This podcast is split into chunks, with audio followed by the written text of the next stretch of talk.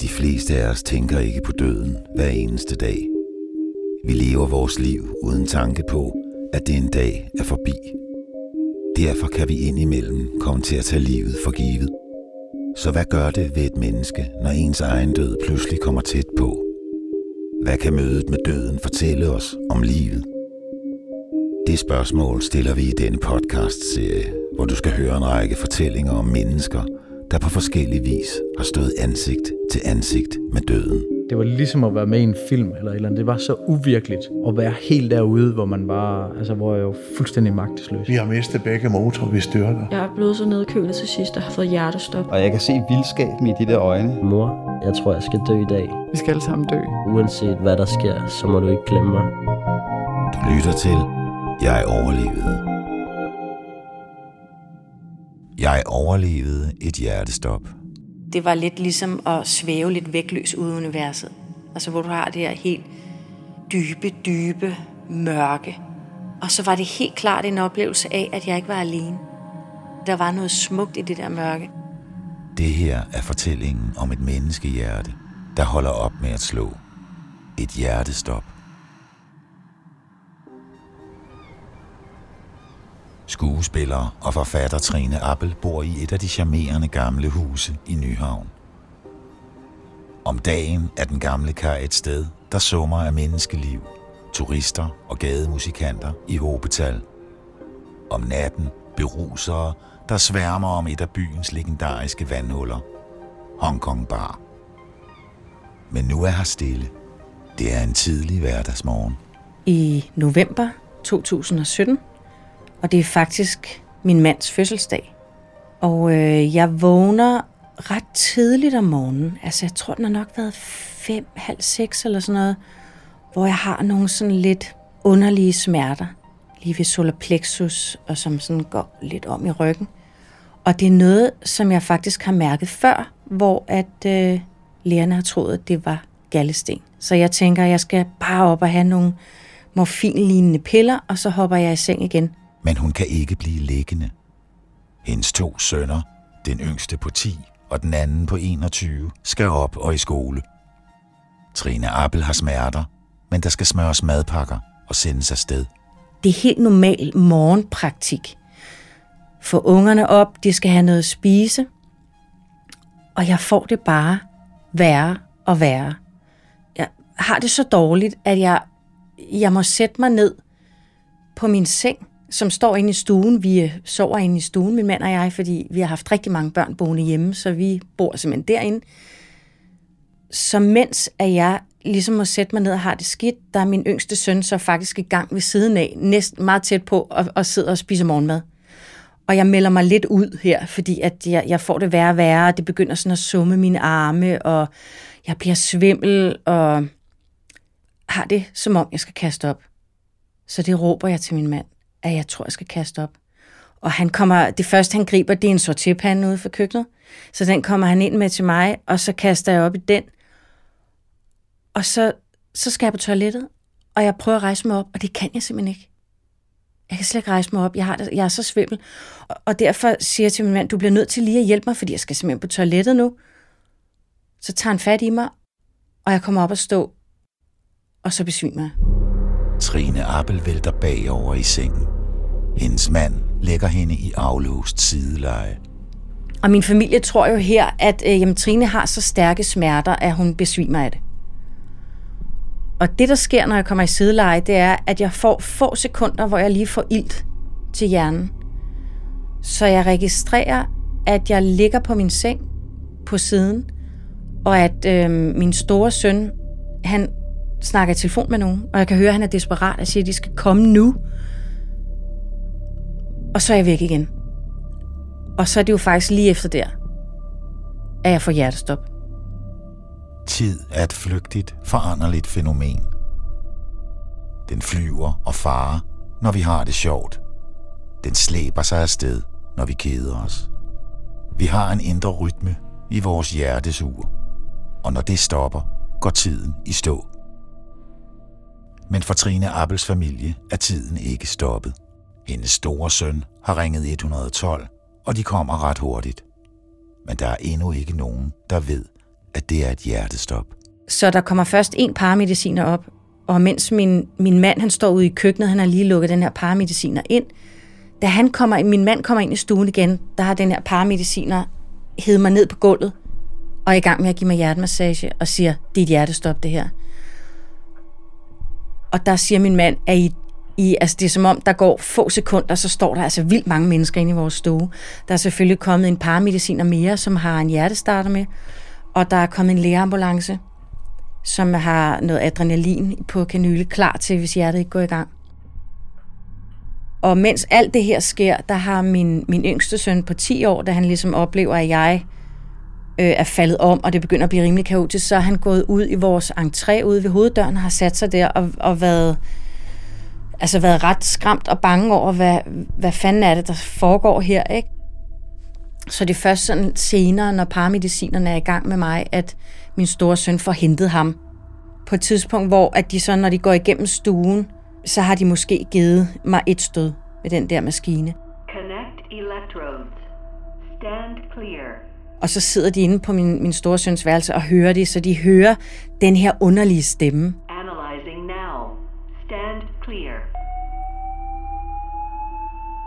Den tæller ned til et stød, så giver man stød, så ser man, om, om det fungerer. Stand clear. Push shock button. Så det hører de. Hendes mand og hendes to sønner kan kun vente og håbe, mens paramedicinerne kæmper for at redde hendes liv. Med hjertemassage og hjertestarter. Start CPR. Imellem 5 og 10 minutter arbejder paramedicinerne intenst med Trine Appels livløse krop.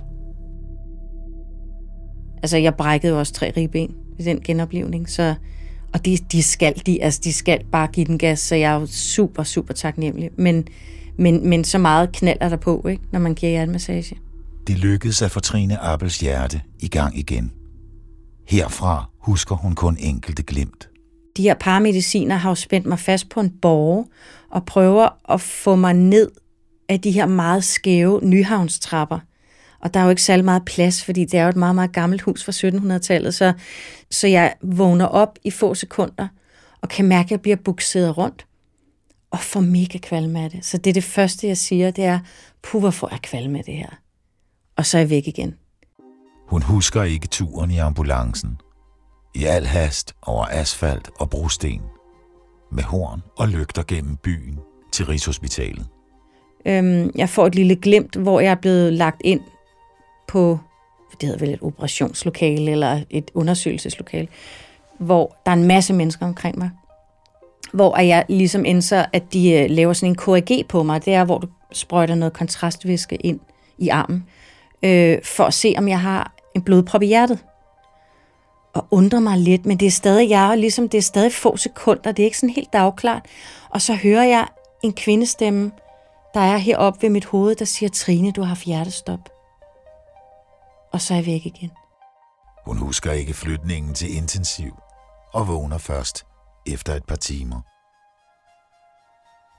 Ved at min mand er der, og sygeplejerskerne, og de snakker meget med hinanden, og jeg hører, de snakker om, at, at min farve er ved at blive bedre og sådan noget. Og jeg tænker bare, det er da noget mærkeligt noget at sige.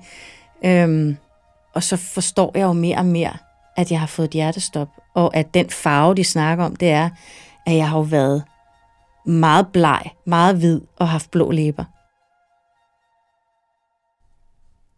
Nogle få dage efter, at jeg var blevet indlagt på Rigshospitalet, så, øh, så fortalte min mand mig, at han havde jo i de minutter der, han har stået med mig, hvor jeg var besvimet, og inden de der paramediciner kom, der havde han jo sådan prøvet at, at vække mig. Et var, at han havde fået mig i sideleje, men han havde jo ligesom også prøvet at vække mig ved at slå mig lidt på kinderne og, og kalde på mig, og sådan på den måde prøve at ligesom få gang i mig. Og, og så havde han åbnet øh, mit øje. Han havde ligesom, og så sagde han, at det, det var bare et zombieøje. Der var, det var et dødt øje, han kiggede ind i. Og det havde han ikke rigtig tur at fortælle mig, før jeg tror, der var gået sådan tre dage eller sådan noget efter, og han, han fik jo lov til at, at øh, blive hos mig på Rigshospitalet. Så jeg fik en ene stue, og så fik han en madras, han kunne sove på. Så der husker jeg bare tydeligt der, den aften, han fortalte mig det der. Og, og jeg tror, at det var første gang, at jeg alligevel blev lidt forskrækket, men det var mere på hans vegne. Altså, først var det der, når han fortalte, at han havde set ind i mit øje, der set sådan ud. Og så synes jeg, det var forfærdeligt, at han ligesom skulle se ind i mit, og, mine øjne, eller nu var det bare det ene øje, men jamen, vi siger jo, at vores sjæl sidder i øjnene, og at når vi elsker hinanden, og kigger hinanden i øjnene, og så bare set ind i det her døde blik. Altså, det synes jeg var enormt uhyggeligt, altså, at han skulle opleve det.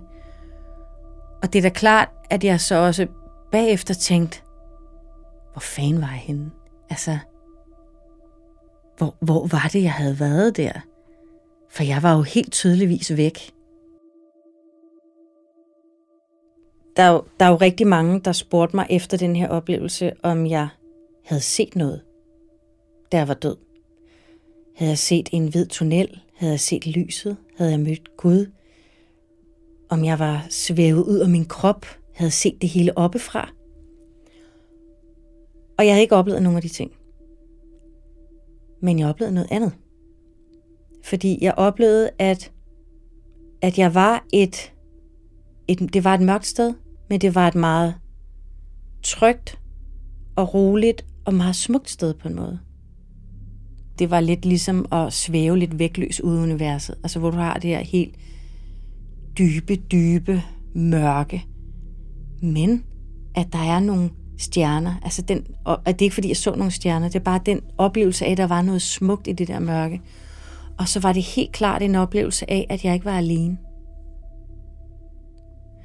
Så, så når jeg egentlig fik at vide, da det gik op for mig, at det var et hjertestop, jeg havde haft, så blev jeg ikke chokeret. Altså, jeg, jeg gik ikke i panik. Øhm, og alle sagde, havde jo som sagt sagt til mig, at jeg var så rolig, og sygeplejerskerne synes også, at jeg var rolig, når jeg snakkede med veninder og familie og sådan noget, når jeg fortalte, hvad der var sket, så flippede de jo fuldstændig ud på hver deres forskellige måder.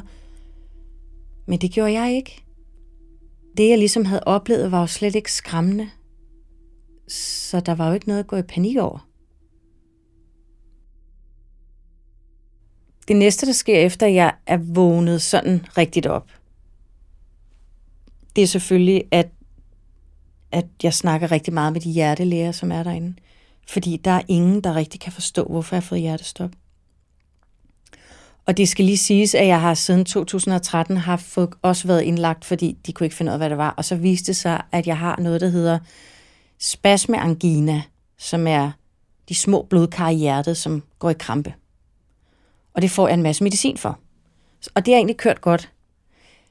Men det er meget sjældent, at man får hjertestop af spasmeangina, og det er faktisk det, jeg har fået. Så det er derfor, det har været sådan lidt tricky. Og der er ikke rigtig har været nogen, der har kunne se, eller lige med det samme se, det var det. Øhm, og så handlede det for mig også meget om, at jeg fik samlet øh, alle mine børn, fordi det var kontor mine børn, der var hjemme om aftenen. Jeg tror, de kom om aftenen alle sammen så de ligesom kunne se, at jeg havde det godt. Og specielt, altså nu er der ikke forskel på børn, men specielt mine, mine børn, der faktisk havde været hjemme og set det, det øhm, har været ret hæftigt, ikke? Så det handlede for mig meget om ligesom at få samlet dem, at de kunne se, at jeg havde det godt. Og jeg var i de bedste hænder på hospitalet. Så ligger jeg inde på Rigshospitalet i, jeg tror, jeg ligger der omkring 14 dage. Og jeg får indopereret sådan en ICD, som er Altså det er i virkeligheden en, en udvidet pacemaker. Den kan få mit hjerte til at slå hurtigere. Den kan få mit hjerte til at slå langsommere. Og hvis den så kan mærke, at mit hjerte går i ventrikelflimmer, som var det, der ligesom er hjertestoppet, så kan den gå ind og rette mit hjerte ved at ligesom genstarte det med et stød. Og det har jeg gudskelov ikke prøvet nu. Men jeg har den, og jeg er super glad for den. Det er som at have sådan en spion, der sidder og passer på mig med en ledning ind i mit hjerte. Altså den sådan på størrelse med en Sibo-lighter. Øh, der er sådan selve ICD'en, som er en computer, kan man sige, som holder øje. Og hvis jeg får et hjertestop igen, jeg kan jo have, få hjertestop, altså det satser jeg jo ikke på, jeg får, for nu får jeg endnu mere medicin. Men, men hvis jeg nu for eksempel, jeg har en hest, og jeg rider ude i naturen, hvis jeg får et hjertestop der, så har jeg jo min ICD til at hjælpe mig. Altså, så jeg kan jo ikke, jeg behøver ikke være bange for, at jeg er et sted, hvor der ikke er nogen, der kan give mig give mig stød eller hjertemassage, fordi jeg har faktisk en øh, indbygget hjælper der. Efter 14 dages indlæggelse kommer Trine Appel tilbage til hjemmet. Her oplever hun noget fascinerende, der er knyttet til et bestemt sted i lejligheden. Jeg har en fornemmelse af, at jeg har været et bestemt sted ude i vores entré. Og jeg kan mærke, at jeg, jeg kunne ikke være dagklar omkring, altså jeg kunne ikke sige, at jeg ved det, jeg har set det, jeg har været derude, eller sådan noget. Men jeg havde en fornemmelse af, at, at, øhm, at mit hjertestop hang sammen med et bestemt sted ude i den entré, og kunne sige helt konkret, hvor det var. Så derfor var min, min logiske tanke jo også, at jamen, øh, det må være fordi, at den der borger, som de har båret mig ned på, at de har båret den igennem den entré. Det er sådan en lang entré, vi har, man kan, som kan gå ind i vores stue, og man kan også gå en anden vej rundt om. Så det var jo logisk, at jeg på en eller anden måde har, har sanset, eller uden at jeg kan sige, at jeg kigger lige op i det loft, eller lige på det punkt. Det gav i hvert fald mening. Men jeg spurgte min mand, så jeg bare de mig igennem der, og sagde nej, det gjorde de ikke. De, de bare der igennem køkkenet. For der var ikke plads derude heller. Øhm. Og så tænkte jeg jo, at, at det var da, det var sgu alligevel underligt, fordi jeg havde sådan en stærk øh, forbindelse lige til det der punkt der. Og så tænker jeg sådan set ikke over det. Øh, og som jeg siger, der er flere, der spørger, om, om jeg har om jeg svævet ud af min krop og sådan noget. Og det har jeg jo bare sagt nej til, fordi jeg har ikke set noget op fra. Jeg har ikke set nogen paramediciner, der er i gang med at genopleve mig og sådan noget. Det er slet ikke. Slet ikke. Og så går der faktisk ret lang tid. Og så hører jeg et eller andet. Jeg, jeg hører rigtig mange podcasts. Jeg kan ikke engang huske, hvad det var, jeg hørte. Men jeg hørte noget, hvor nogen talte om det der med at svæve ud af kroppen. Og at vi åbner vinduerne, når folk dør, og sjælen ligesom kan komme ud. Og så øh, snakkede jeg med min mand om det, og så havde vi faktisk lidt grinerne over det, fordi, okay, hvis jeg skulle ud i den der entré, hvad fanden skulle jeg derude? Der er et, der er en skorsten, men så skulle jeg jo åbne spjældet. Altså, det ville jeg jo ikke kunne. Fordi det, det sted, hvor jeg, jeg havde en fornemmelse af at have været, der, det er lige præcis også der, hvor der er en skorsten, og der er et spjæld, men det var jo ikke åbent, så det er den tosset sjæl. Altså, den kan jo ikke komme ud der, ikke? Spurgte min mand, om der var åbent vindue ude i køkkenet, fordi det ville også give mening, hvis jeg ligesom skulle igennem den der entré, hvis vi ligesom gik med på ideen om, at jeg var svævet ud af min krop. Men der var jo heller ikke åbent ude i køkkenet, for det var jo i slutningen af november, så det var jo skide koldt. Hmm, synes jeg alligevel. Det var, det var alligevel... Øh, det var alligevel lidt spøjs. Tænkte, jeg blev nødt til at spørge min søn Leo, hvor han havde været hen. Jeg vidste jo godt, han sagde, at han havde siddet ude ved døren, men altså, nu kunne jeg lige prøve at høre ham igen, fordi det kunne godt være, at der var et eller andet der. Så jeg legede sådan lidt detektiv på det, fordi jeg tænkte, der må jo der må være en eller anden forklaring andet, end der jeg bare manglede ilt i hjernen. Øhm. Og så spurgte jeg min søn, og så gik han ud for at vise mig, hvor han havde siddet, og han viste mig jo rigtig nok, at han havde siddet lige der ved døren, øh, som han havde fortalt. Øhm. Og så sagde han, øh, men da de der paramediciner så kom ind ad døren, så gik jeg herned, mor. Og så rejste han sig op, og så gik han ned, og så satte han sig lige præcis der, hvor jeg synes, jeg havde været.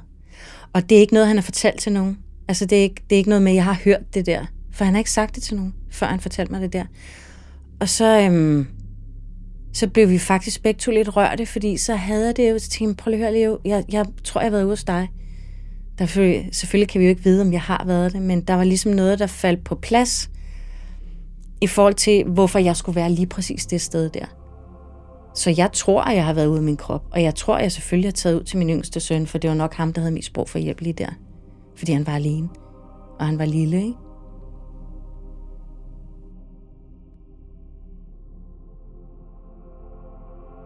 Trine Appel når faktisk at være død i adskillige minutter. Hvordan har det påvirket hendes liv og hendes virke som kunstner og forfatter? Jeg har været helt vildt bange for at dø, siden jeg var barn. Øh, jeg var, havde også en lidt, sådan lidt nær drukne ulykke, da jeg var omkring syv. Så siden der, der havde jeg været sindssygt bange for at dø. Altså at kunne få sådan nogle panikangstanfald, specielt meget, da jeg var ung. Altså kunne jeg få sådan nogle, hvor jeg bare blev så bange, og ikke kunne komme væk fra situationen, eller sådan en art af noget klaustrofobi. Men efter jeg har haft øh, hjertestop her, og jeg faktisk har været død, og det jeg har oplevet der, det gør, at jeg ikke er bange for at dø mere. Og det er jo, det er jo, den, det er jo den vildeste form for terapi. Altså, at man skal dø, at dø for at ikke at være bange for det. Øhm, så, så det, der, det er det vildeste, jeg har fået ud af det. Men jeg synes da også helt klart, at, at jeg, jeg oplever da mit liv på en anden måde. Selvfølgelig kører mit liv jo videre med de ting, jeg elsker at lave. At det er ikke sådan, at jeg pludselig vil flytte til Nepal, eller hoppe ud af en faldskærm, eller et eller andet vildt. Sådan, det er slet ikke sådan. Altså jeg, før mit hjertestop var jeg et godt sted i mit liv. Jeg laver de ting, jeg, jeg har lyst til, som jeg holder af. Jeg har de mennesker i mit liv, jeg holder af. Men der er alligevel, øh, jeg kan alligevel mærke, at der er kommet... Jeg er blevet bedre til at være i nuet. Altså, jeg, jeg er blevet bedre til at skære bullshit fra. Og ting, jeg ikke gider. Folk, der ikke siger mig noget. Altså, det er som om, jeg gider bare slet ikke bruge tid på det. Og det kan jo godt virke lidt hårdt for andre mennesker, at, man, at de synes det, eller oplever, at man, at man skærer fra. Men det er da helt klart, altså oveni, jeg vil sige, den første vigtigste ting er jo ikke at være bange for at dø. Det synes jeg virkelig er, er, er en kæmpe styrke, jeg har fået med herfra. Den her oplevelse. Men jeg har faktisk også den her indsigt, eller den her følelse, og de, altså de oplevelser, jeg har fået her, det, det farver jo enormt meget også, øh, hvad jeg skriver. Fordi øh, selvom jeg, altså i de her fortidens port, jeg sidder også, eller den hedder så Ildfuglens, øh, det er en trilogi, der hedder Ildfuglen, men første bog hedder Fortidens port. Det handler jo også meget om tro, og den handler om, øh, at man kan tro på, hvad man vil i princippet. Men jeg har jo også middelalderen med, og, og kristendommen, og jeg har øh, en gammel nordisk religion med, at man tror på følgedyr. Og nu er det ikke sådan, at jeg bare jeg sidder ikke og siger, nu tror jeg på, at jeg har et skytsdyr, men jeg er alligevel ret åben over for det. Altså, øhm, for jeg kan jo heller ikke sige det, jeg har oplevet på den anden side, at jeg har mødt Gud, eller jeg har mødt min afdøde far, eller om min oplevelse af ikke at være alene i det mørke, om det reelt var, fordi at jeg var ude af min krop, og jeg var ude hos min søn. Så jeg var jo ikke alene, jeg var jo sammen med ham. Jeg synes, det er lige fantastisk. Altså, jeg, jeg synes, det er lige stort, og derfor synes jeg, at verden for mig er ret stor. Altså, universet er stort. Min, min tro på, at der er mere, og der, altså jeg er ret overbevist om, at der er noget mere. Og det, det, det er jo klart, at det skriver jeg om i mine bøger. Men jeg putter ikke nogen sandhed ned i, i det, jeg skriver, at sådan er det. Fordi det, det, det kan jeg heller ikke sige, at jeg har fundet øh, den ene sandhed. Jeg tror ikke på, at der er en sandhed.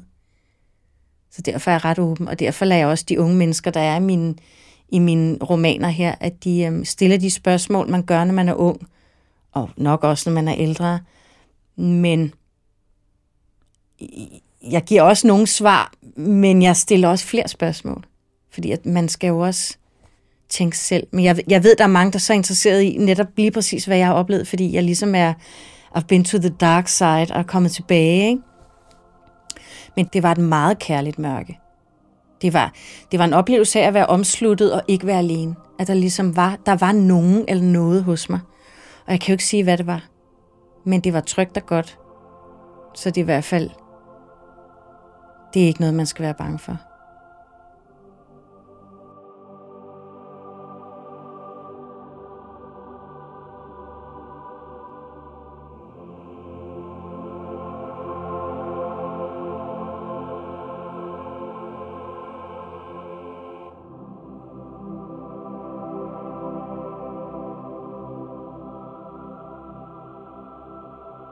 lyttede til Jeg overlevede. Mit navn er Sten Jørgensen.